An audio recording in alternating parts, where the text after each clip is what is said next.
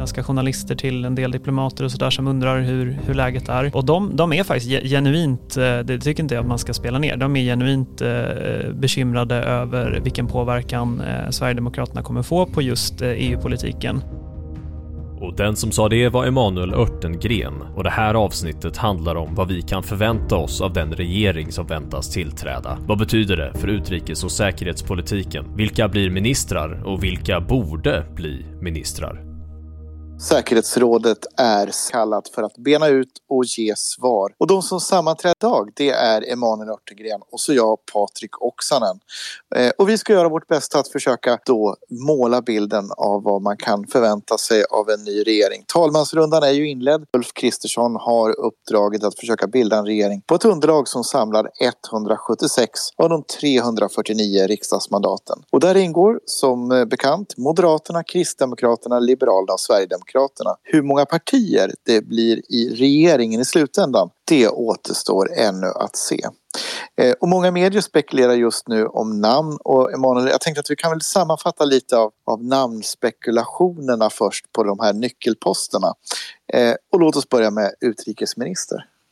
Oj, um, ja. Um den första frågan är väl hur, vilka partier som, som ens eh, platsar i regeringen, eller får plats, ska man säga. Um, men, men om vi hoppar direkt på, på namnen så är det väl ganska troligt att eh, det blir Moderaterna som får utrikesministerposten. Eh, det, det är så typ, typisk ministerpost som, som tillfaller det, ja, det partiet som också har statsministerposten. Det är ganska ovanligt att det förekommer undantag från den regeln. Men Ja, um, en person som jag vet står Ulf Kristersson rätt nära är Henrik Landerholm som just nu är generaldirektör för Myndigheten för psykologiskt försvar. Uh, han har tidigare varit ambassadör i bland annat Lettland där han gjorde ett väldigt bra jobb. Um, och uh, han är väl en uh, trolig kandidat, men du kanske har några andra namn? Ja, tittar vi på de som har nämnts så nämns ju även Hans Wallmark, ordförande i utrikesutskottet, mm. Som, som en kandidat. Eh, och eh, sedan så har ju det också i mediespekulationerna så har ju Carl Bildt flutit upp. Mm. Eh, även om, eh, om eh, han själv lät väl inte helt helt imponerad över, över att hans namn dök upp där. och sen har jag också nämnts i de spekulationerna en senior fellow här på, på Tankesmedjan Frivärd och det är Diana Janse, mm. eh, tidigare ambassadör och som också har då haft uppdrag att jobba med NATO-anslutningen då för, för Moderaterna. Mm. Så det är väl de namn jag har sett. Jag vet inte, har du sett något annat namn dyka upp där? Mm, nej, inte som utrikesminister. Det är de som ofta nämns och eh, som sagt var alla är, är moderater. Eh, så det, det, det är väl en lågoddsare att det blir någon av dem. Eh, men eh, vem det är, det, det får vi se och sen får vi se också vad det får för påverkan på, på utrikesdepartementet och dess inriktning. Inför förra riksdagsvalet så var det ju eh, ett hundratal eller kanske flera hundra till och med tjänstemän som skrev under ett, ett upprop där man uttryckte oro för vilken regering Sverige skulle få, vilken inriktning den skulle ta. Och då var ju de flesta av de här tjänstemännen var ju just på, på utrikesdepartementet. Eh, jag vet att DN följde upp det inför det här valet och då var det många som faktiskt ångrade sig att man, man gjorde det, men, men just UD har ju annars varit ett ja men hur ska man uttrycka det, men, men lite av ett fäste för, för eh, opolitiska socialdemokrater eller hur man ska uttrycka det. Så att det, det är ju, UD är, en, det är ett svårstyrt departement eh, och eh, det krävs nog en person som, som, eh, som vet lite hur, hur det funkar i Arvfurstens palats eh, för, att, eh, ja, men för att kunna sätta sin egen prägel på utrikespolitiken. Mm.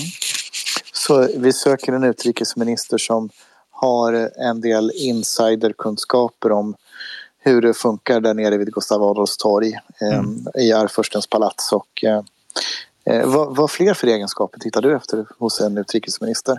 Ja, men nu är det ju en, en väldigt svår tid som vi står inför, där utrikespolitiken, den kanske inte spelar så stor roll i många väljares medvetande eller så, men den kommer ju spela väldigt stor roll för den här regeringen. Det kommer att bli många långa, sena förhandlingar nere i Bryssel om allt ifrån eh, energipolitik till nya krispaket till Ukraina. Eh, det kommer också att vara ett läge där Sverige är på väg in i NATO och det är såklart faller en del på försvarsministern men även på, på utrikesministern. Så att jag, eh, jag tror att det, det, det krävs en person som har Eh, ja, men som har erfarenhet av den sortens förhandlingar och internationella sammanhang. Och så krävs det en, en person som också kan eh, som play, play politics, alltså in, intern politiken både eh, på, eh, gentemot UD men också gentemot eh, partierna i den här eh, konstellationen som, som tillträder. Mm. Och då har vi som sagt var fyra stycken namn som det har nämnts tidigare och jag repeterar dem. Henrik Landerholm som har varit ambassadör i Lettland och Förenade Arabemiraten om jag inte missminner mig. Ja. Eh, nu på Myndigheten för psykologiskt försvar. Vi har eh, då Hans Wallmark, ordförande i utrikesutskottet. Han har aldrig varit på UD vad jag vet i alla fall. Men har ju en gedigen riksdagserfarenhet och varit med länge i de här utrikespolitiska frågorna. Carl Bildt behöver ingen närmare presentation och sen så har vi Diana Janse då som varit ambassadör senast i Mali bland de namn som nämns. Eh, men det är ju inte bara en ministerpost traditionellt sett på, på UD utan eh, det brukar ju vara flera ministrar som, som är placerade på, på utrikesdepartementet. Vilka fler ministerposter tror du att det blir på UD? Får vi se en eh, utrikeshandelsminister, en biståndsminister? Flyttar man tillbaka EU-minister? Nu ligger ju den i statsrådsberedningen. Mm. Under, under den förra alliansregeringen så låg ju EU-ministern på, på UD om jag inte missminner mig. Mm. Ja, eh, jag tror väl att eh, biståndsminister lär väl ligga eh, under UD också. Eh, sen så det här med att man har lagt EU-minister under, under statsrådsberedningen, det har väl dels varit för att det är Hans Dahlgren som har haft den rollen. Han, han är ju, ja, vågar jag väl ändå påstå, mer av en tjänsteman än en, en politiker. Eh, men det är väl inte en helt dum idé heller att ha det så. Så att ja, det, det är en smaksak eh, egentligen om man föredrar att ha någon, om man, eller en sån minister där eller på statsrådsberedningen. Ja. Om jag var Ulf Kristersson så skulle jag nog behålla EU-ministern på, på statsrådsberedningen just för att den är EU är ju så integrerat i, i, i rikets styre så att jag skulle nog behålla den där. Men, men då mm. har vi utrikeshandelsminister och bistånd då? Ja, det, det, ja, ibland så är ju just EU och handel har ju ibland hört ihop också. Eh, mm. Eh, och de, eh, ja, men det, det blir väl intressant att, att, att se. Där har jag ingen aning egentligen om, om namn eller så. En, en person som, som skulle vara bra vad gäller just EU och handel är ju Kristoffer Fjellner som eh, mm. har gedigen erfarenhet från eh, Europaparlamentets handelsutskott eh, bland annat. Men om han är intresserad, det, det vet jag faktiskt inte.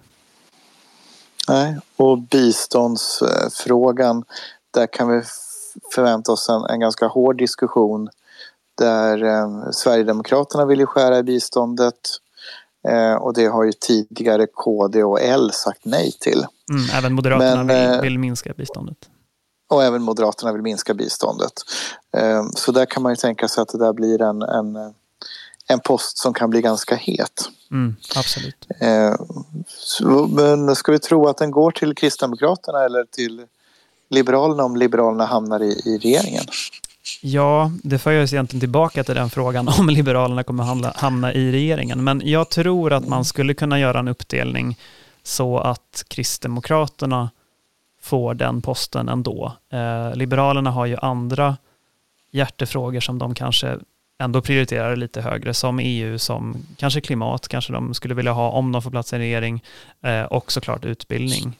Eh, men, eh, men om, vi, om vi hoppar till den frågan då, så jag trodde ganska, jag var ganska övertygad precis efter valet att Liberalerna inte skulle sitta i regeringen.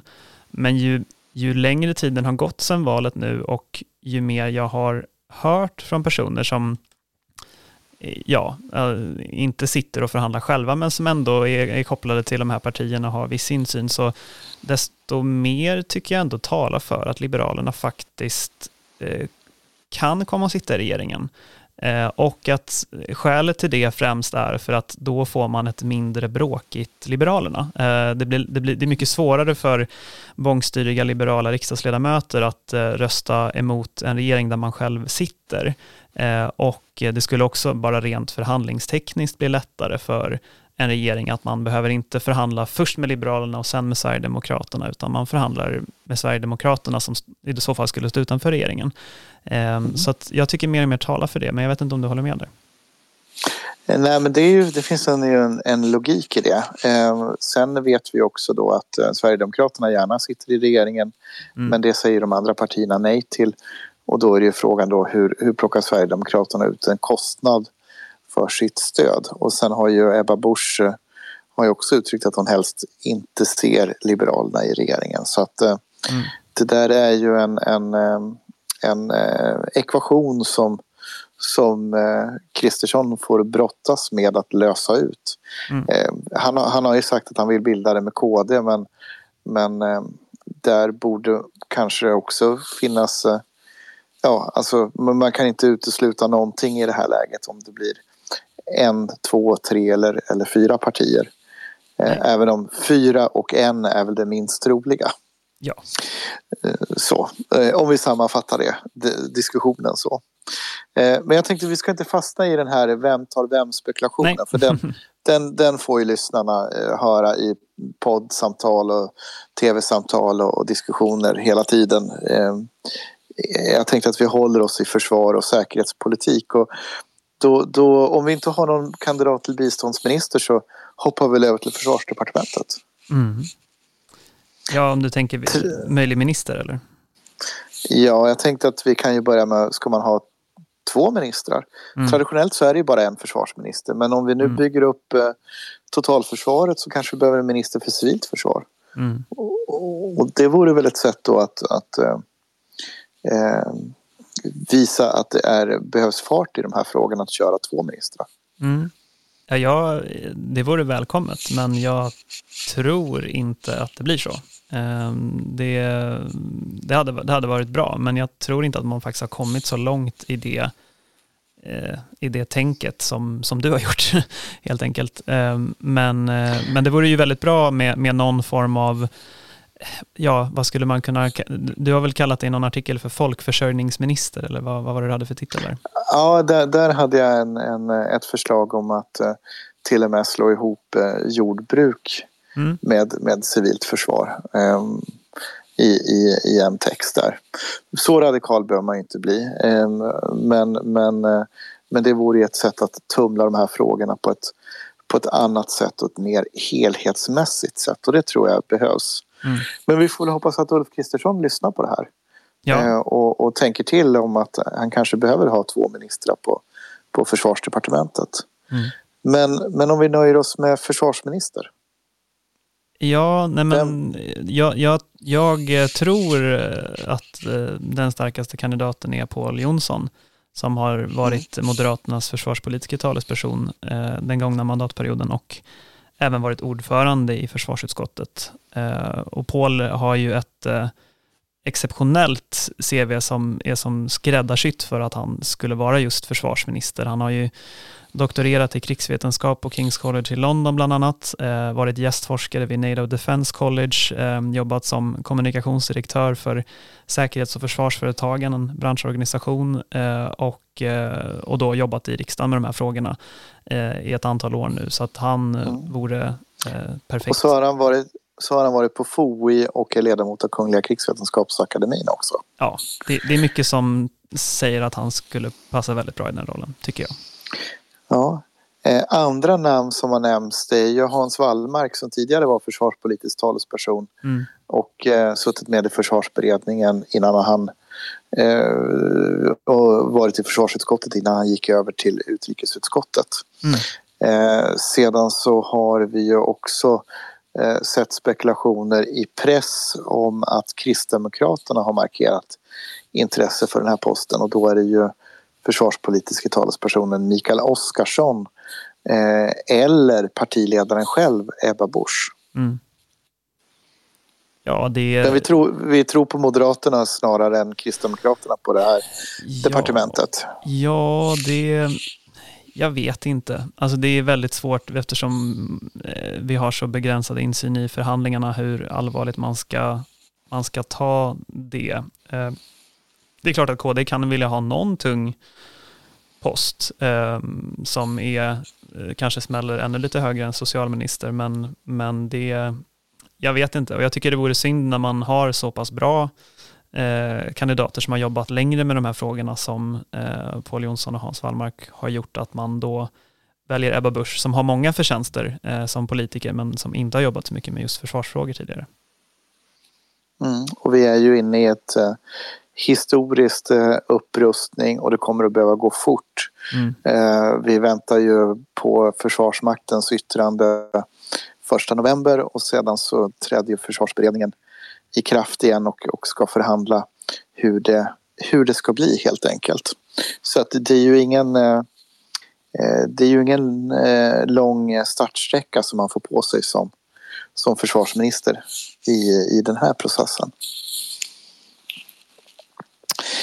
Men jag tänkte då, vad, vad, vi är ju inne på försvaret. Här blir det ju en sak som regeringen kommer att göra skillnad på om vi får döma av vad man sa innan valet i alla fall eh, jämfört med Magdalena Andersson och det är ju då att eh, här har man ju bundit sig vid att nå 2% av BNP redan till 2025 mm. medan eh, eh, Magdalena Andersson regering då med, med, Peter Hultqvist som försvarsminister sa att eh, man skulle göra det så fort som det var praktiskt möjligt.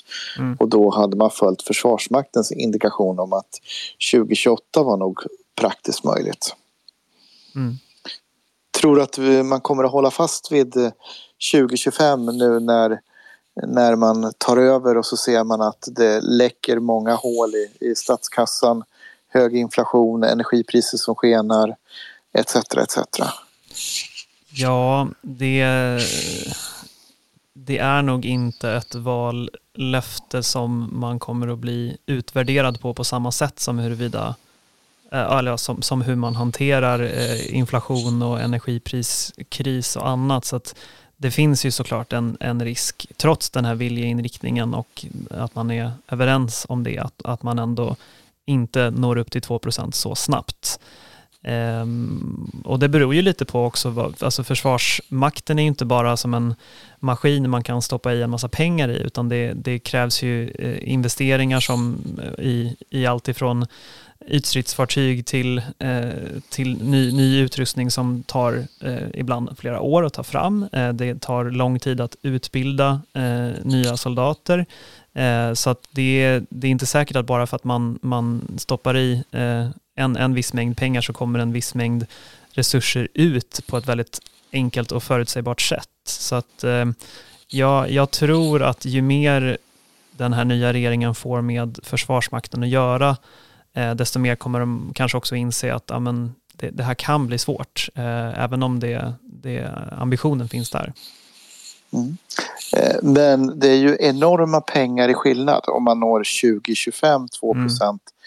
Eller 2028. Vad tänker du att man ska använda pengarna till? Jag har, en, jag har ju en massa tankar också men Ja, jag tänkte, du får börja. Ja, men jag undrar också var man ska få pengarna från. Och det, det blir ju intressant att se när man förhandlar sig om en budget. För nu är ju första steget att få en regering på plats. Eh, och den kan man ju få till den kan vi bara få till med Liberalerna. Eh, sen så kan man förhandla budget med bara M, SD, KD. Och sen är ju de inte överens heller om vad man ska, du var inne på det med bistånd, vill två partier skära ner men inte eh, KD och inte heller Liberalerna. Eh, för att no, någon, jag, jag, tror att enda sättet att få till en, en hållbar finansiering för försvaret är eh, givet vilket ekonomiskt läge vi är i, men no, att man gör någon slags omprioritering. Sen vad man ska, vad man ska lägga de pengarna på, det är ju Ja, eh, jag tror att eh, eh, både du och Försvarsmakten vet det bättre än vad, än vad jag gör. Men, men en eh, väldigt viktig eh, eh, punkt tror jag är att man, man måste satsa på, på personalen. Eh, vi har ju sett det under sommaren att det har varit stridspiloter som har aviserat om att man kommer ta tjänstledigt och kanske börja utbilda sig eller, eller lämna Försvarsmakten helt och hållet för att deras löneutveckling har inte hängt med. och det Eh, det är ju väldigt, väldigt allvarligt eftersom det tar så lång tid att utbilda eh, ja, men soldater generellt, men kanske stridspiloter i synnerhet. Så att personalen är väldigt viktig att få, få med, eh, särskilt nu när vi kommer behöva bemanna NATO-staber och center runt om i Europa. Ja, du sätter ju fingret där på en av mina punkter och det är ju en, en situation där Försvarsmakten har halkat efter i konkurrenskraft inom, inom eh, staten eh, gentemot andra statliga myndigheter. Det är, till exempel är inte att vara stridspilot det mest kvalificerade eller mest bäst betalda statliga flyg, flygjobbet mm. till exempel, vilket det borde vara kan man tycka. Eh, rent, rent logiskt om man tänker på utbildning och eh, ekonomisk investering i det, i, i det i den flygmaskinen. Eh, det är bara ett exempel. Det finns många andra exempel på hur andra statliga myndigheter kan rekrytera över Försvarsmaktens personal och ge en femsiffrig löneökning när man gör det. Mm. Eh, och sen har du liksom hela strukturen med att det ska funka med, med Eh, kombinera familjeliv och, och, jobb och pendling och allt, alla sådana bitar i, i det också. Så ja, man behöver hälla in mer pengar för att eh, boosta upp för personalen. Sen skulle jag säga så här, om man, om man får extra pengar så tycker jag att man ska investera i rymden. Mm. Om inte det redan ligger med i planeringen. Eh, där man för en relativt liten summa kan få, få till en, en otroligt bra Eh, lägesbild eh, i realtid över hela Östersjöområdet och närområdet i Arktis eh, med, med små satelliter. Kostnaderna för att skjuta upp satelliter mm. går ju blixtsnabbt neråt samtidigt som vi håller nu på att bygga upp och bygger ut möjligheterna då för att skjuta upp saker från S-range. Mm. Och den invigs ju i början av nästa år.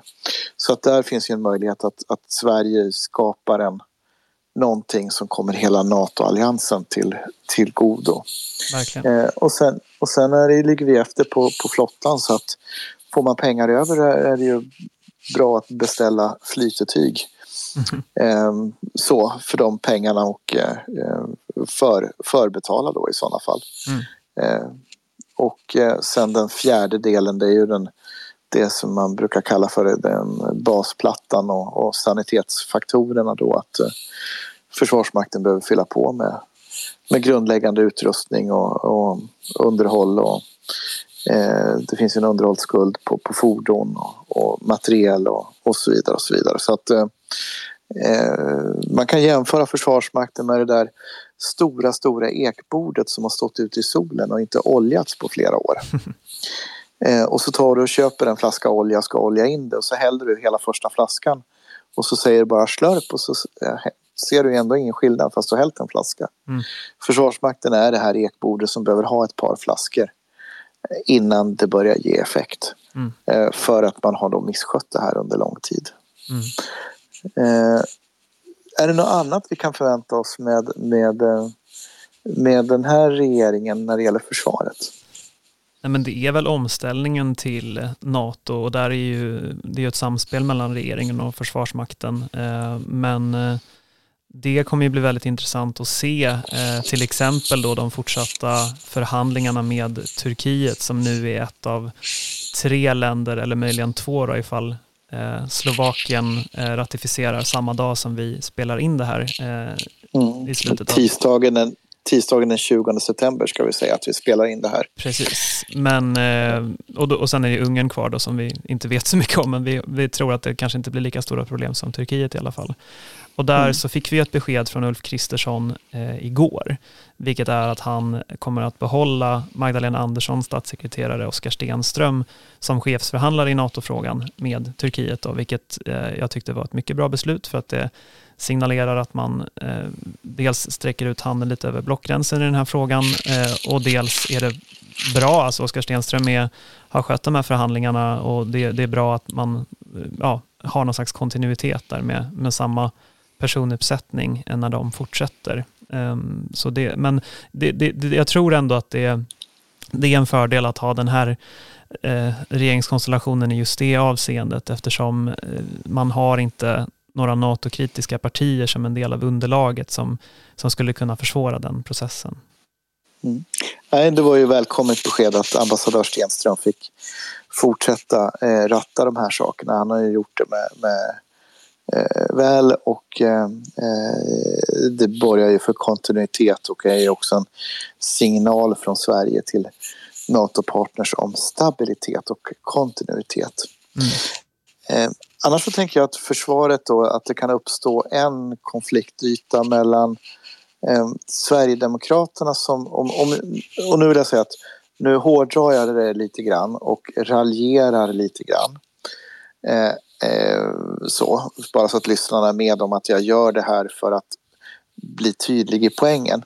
Men, men Sverigedemokraterna traditionellt sett har ju varit dra i åt hållet och, och till försvarsmakt med, med landskapsregementen.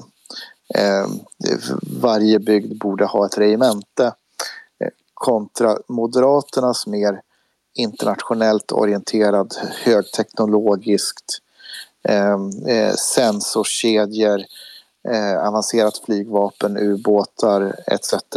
Mm. försvar. Mm. Och här finns ju en spännvidd där Allan Widman i, från Liberalerna i somras lite grann ställde sig på Sverigedemokraternas sida när han lanserade idén om att alla i en årskull ska göra tre månader värnplikt. Mm. Eh, och eh, Kristdemokraterna hamnar väl någonstans däremellan. Eh, så skulle jag säga, men kanske med en liten dragning åt, åt det här med, med åt det Widmanska hållet, möjligtvis. Mm. Eh, hur, hur, för där kan det väl uppstå en del del spänningar om vart, vart vi tar vägen med vår försvarsuppbyggnad. Ja, men det, det kan det ju göra. Eh, Sverigedemokraterna har ju ändrat sig om NATO och eh, min bild är väl att de, de gjorde det eh, för att det var en sån här punkt som, som försvårade samarbete med, med Moderaterna. Eh, men i försvarspolitiken generellt är ju Sverigedemokraterna eh, väldigt inriktade på just att man ska ha ett nationellt försvar. Eh, och så att där, ja, det, det kan nog eh, uppstå en del eh, spänningar där. Jag tror att de är överkomliga, men, men det, det är ju eh, ibland så blir det ju lite med inom försvarspolitiken som det har blivit också inom högskolepolitiken, att man ser Försvarsmakten som en slags regionalpolitisk åtgärd, att man ska ha regementen spridda över hela Sverige, inte av strategiska skäl utan nästan som ett slags, ja, nej men det här är, det, det, är väldigt tacksamt för en riksdagsledamot till exempel från, en, från ett visst län att säga att vi, klart vi ska ha ett regemente här. Ehm, så att ja, det, det, det återstår väl att se hur, hur hårt olika partier kommer att driva de, de linjerna. Ehm, men nu när kursen med NATO är fastlagd så, ja, så tycker jag ändå att den, momentumet talar kanske mer för, för Moderaternas linje, eller vad säger du? Jag menar ju på att det är ju att eh, föredra. Mm. Eh, absolut. Eh, och eh, Eh, jag hoppas att det är den linjen som vinner och det är därför också jag, jag utgår ifrån att det blir en moderat eh, försvarsminister också. Mm. Ehm, så, annars, eh, annars kan det bli lite, bli, bli, annars kan det bli en intressant resa som man brukar uttrycka det sig. Mm. Sen när det gäller Sverigedemokraterna så ska vi komma ihåg också att Sverigedemokraterna ändrade sig efter att det var uppenbart att Finland ja. eh, valde NATO-spåret där Sverigedemokraternas huvudsakliga linje fram till dess var ju att man ville ha en bindande försvarsallians tillsammans med Finland. Men när det alternativet inte fanns så, så valde man att eh, säga ja till Nato. Och som du säger då att, att närma sig den NATO-linjen över tid har ju också varit ett sätt att närma sig Moderaterna politiskt. Eh, mm. så, och få undan en, än eh, den här delen av partiet som har varit mer vänligt inställd mot, mot Ryssland. Jag tänkte att vi ska prata om det lite mer när vi kommer in under EU för där, där blir det intressant. Men mm. eh, jag tänkte att vi avverkar Ukraina och eh, Kina och Taiwan också innan vi ger oss in i EU. Mm. Eh, Ukraina, kan vi förvänta oss några förändringar där i, i politiken? Nej, det tror jag inte. Möjligtvis att det, det blir ännu mer stöd eh, och att man, eh, ja, den här konstellationen har ju inga betänkligheter och det har väl egentligen inte, inte någon nu längre. Men eh, i våras var det ju lite, framförallt Vänsterpartiet som, som motsatte sig att skicka vapen till Ukraina, men det har ju inte den här konstellationen. Men hur som helst, nej men jag tror inte att det kommer vara någon, vara någon jättestor förändring i stödet till, till Ukraina, utan jag tror att det, det, det ligger fast. Eh, sen eh, vad gäller Kina och Taiwan, det kommer bli mer intressant att se. Eh, därför att där är det ju Socialdemokraterna som har varit det parti som har hållit emot mest att man ska eh, till exempel göra, det var ju en grupp riksdagsledamöter som besökte Taiwan i våras eh, och det är Socialdemokraterna som har, eh, vad ska man säga, men varit generellt sett ganska, ganska försiktiga gentemot Kina. Eh, och jag vet ju att Ulf Kristersson Eh, personligen har ju ett, ett väldigt, väldigt stort intresse för Kina. Eh, han har varit här på Frivärd när vi har haft evenemang med dissidenter från Hongkong till exempel för ett antal år sedan. Eh, och han har själv bott i Kina, han läste till och med lite mandarin eh, och eh, har eh, det är, många som, som är liksom svenska Kina-kännare som säger att av alla svenska politiker så utmärker han sig för att han, han har en så förståelse för landet och, och vart utvecklingen är på väg. Um, och där är ju frågan hur, hur kommer den förstå? Och adopterat barn också. Ja men exakt. Och där är ju frågan hur den förståelsen kommer att avspegla sig i regeringens politik. Eh, och det är ju mycket svårare att sitta i regering och försöka balansera de här intressena med att man har stort kinesiskt ägande, inte minst i Volvo, samtidigt som vi ser ju eh, allt eh, grövre människorättskränkningar i eh, Hongkong, Xinjiang, Tibet och så vidare. Så det kommer bli spännande att se. Mm, här står det den här liksom eh, eh, det, att det är lättare att säga en sak i opposition men när man kliver in i, i regeringsmakten så, så faller andra tyngder på en. Mm. Och hur mycket faller det tyngder på här i förhållande till, till vad man sa i opposition. För vi ska ju komma ihåg att i regeringsunderlaget då, både från Sverigedemokraterna i Europaparlamentet, jag tänker Charlie Weimers, mm. eh, för SD har ju varit en, en väldigt stor Taiwanvän. Eh, vi har också eh, Kristdemokraternas riksdagsledamot eh, Hampus Hagman eh, som fick ta emot eh, hotbrev från den kinesiska ambassaden för att han skrev motioner mm. som berörde Taiwan. Ehm, så det finns ju många eh, ledande politiker i, i regeringsunderlaget som också har tagit ett, ett, ett starkare uttryckssätt och en starkare ställning för, för Taiwan mot Kina till exempel. Mm. Joar Forsell i Liberalerna är en sån person som man också kan lyfta fram. Ja, en tredje person också. Och även Romina Pourmokhtari, LUF-ordförande som också är nyvald riksdagsledamot. Så det finns några som har drivit en väldigt eh, eh aktivistisk linje i förhållande till, till eh, Taiwan, Hongkong och så. Så det, eh, det, det, kommer bli Ja, det, det, det, det är en väldigt svår fråga att hantera i regeringsställning. Mm. Eh, nu går vi in på det som jag tror kommer att bli den, bli den eh, mest intensiva frågan att hantera. Mm. EU. Mm. Och där ute i Europa så har ju faktum att regeringen blir beroende av ett parti med nazistiska rötter som också vill se Svexit, alltså att Sverige lämnar EU det har ju väckt ganska stor uppmärksamhet i internationell press och eh, starka reaktioner också i den liberala partigruppen att eh, i Renew att Liberalerna är med och samarbetar.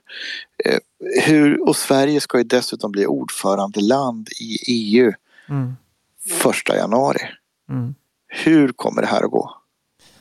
Ja, jag, jag, jag tycker det Eh, utifrån de kontakter jag har haft senaste veckan eller så, det, det är en del i, i, internationella miljöer i Stockholm som har hört av sig och, och det är alltid från utländska journalister till en del diplomater och sådär som undrar hur, hur läget är. Eh, och de, de är faktiskt genuint, eh, det tycker inte jag att man ska spela ner, de är genuint eh, bekymrade över vilken påverkan eh, Sverigedemokraterna kommer få på just eh, EU-politiken. Eh, så där är det väldigt viktigt eh, för en ny regering och inte minst för Ulf Kristersson som, som ny då, eh, han är inte vald än, men, men om han då blir vald till statsminister, att, eh, att skicka de signalerna att det är Eh, liksom mer av en eh, moderat eh, EU-politik som, som gäller. Eh, för att eh, det, Sverige kommer ju som ordförandeland så ska man ju leda de här förhandlingarna i ministerrådet och så och då faller ju ett stort ansvar på, på Sverige Så man måste visa att man är, man är redo att axla och man kan tänka europeiskt och inte, inte bara utifrån ett, eh, ett lite mer, mer svenskt och snävare nationellt perspektiv. Eh, så det, eh, frågan är hur man kan, ja, det, folk blir väl inte lugnade förrän de ser ett regeringsprogram som indikerar det eller om man väljer en, en eh, utrikesminister eller EU-minister eller så som, som tydligt har en väldigt europeisk profil. Så det, det hoppas jag att man, att man gör. Eh, jag vet faktiskt inte hur, hur mycket SD kommer sätta sig på tvären. Det blir spännande att se hur de agerar i, i EU-nämnden framöver eh, i och med att man, man själv sitter i, i regeringen och, och eh, det kommer vara svårare kanske att eh, i regeringsunderlaget ja, i alla fall. I, precis, i regeringsunderlaget. Eh, så, så är det ju. Så att, ja. Men det kan bli ganska stökigt i EU-nämnden och, och, det kan komma och, och, och bita till här. För att, jag menar, om vi tittar på det så eh, Ylva Nilsson lyfter i en kolumn på Expressens ledarsida en rad frågor och pekar då också på det linjetal som EU-kommissionens ordförande Ursula von der Leyen höll. Mm. Eh, och då är det ju till exempel EU ska ha tuffare regler för partibidrag, större insyn, tvärstopp för utländska givare. Mm. Det har Sverigedemokraterna röstat nej till i Europaparlamentet. Eh, statsskuldsregler ska mjukas upp. Eh, det ska vara okej okay att låna till investeringar. Mm. Kan också bli kanske kontroversiellt. Eh, Frågan om eh, Ungern och stöd till Ungern. I, eh, där har ju kommissionen Ungern, velat dra in det. Precis, det är 80 miljarder som kommissionen vill dra in. Eh, SD röstade emot en resolution i Europaparlamentet eh, som nämner att Ungern inte längre är en demokrati. Mm. Eh, och det är ju någonting som statsvetare i olika demokrati och frihetsindex runt omkring i världen är överens om. Mm. Att Ungern är inte längre en demokrati. Mm. Eh, och sen har vi kanske den, den eh, viktigaste eh, mest brännande frågan det är ju då att eh, det finns en debatt om att ändra i fördraget att ta bort vetorätten för enskilda länder så att det blir lättare att nå enighet i unionen. Mm. Och det är ju någonting också som, som SD motsätter sig. Mm. Eh, så att här, här finns det ju många frågor. Eh, sen eh, så har vi på, på säkerhetsrådet också skrivit om förra mandatperioden 2014 till 2019 i Europaparlamentet där SD sticker ut när det gäller omröstningar som har ryska intressen där man då blev eh, det mest proryska svenska partiet och eh, eh tillhörde då de partier i Östersjöområdet som, som röstade mest Rysslandsvänligt på ett sätt som sticker ut mot både sannfinländare och, eh, och eh, Danskt Folkeparti. Eh, så att det, det, finns, och särskilt i de här frågorna där det, där det hamnar liksom sådär, ska EU agera eh, mot Ryssland eller mot, mot tredje part så, så tenderar SD att hamna på att nej, man vill inte se ett, ett aktivt EU.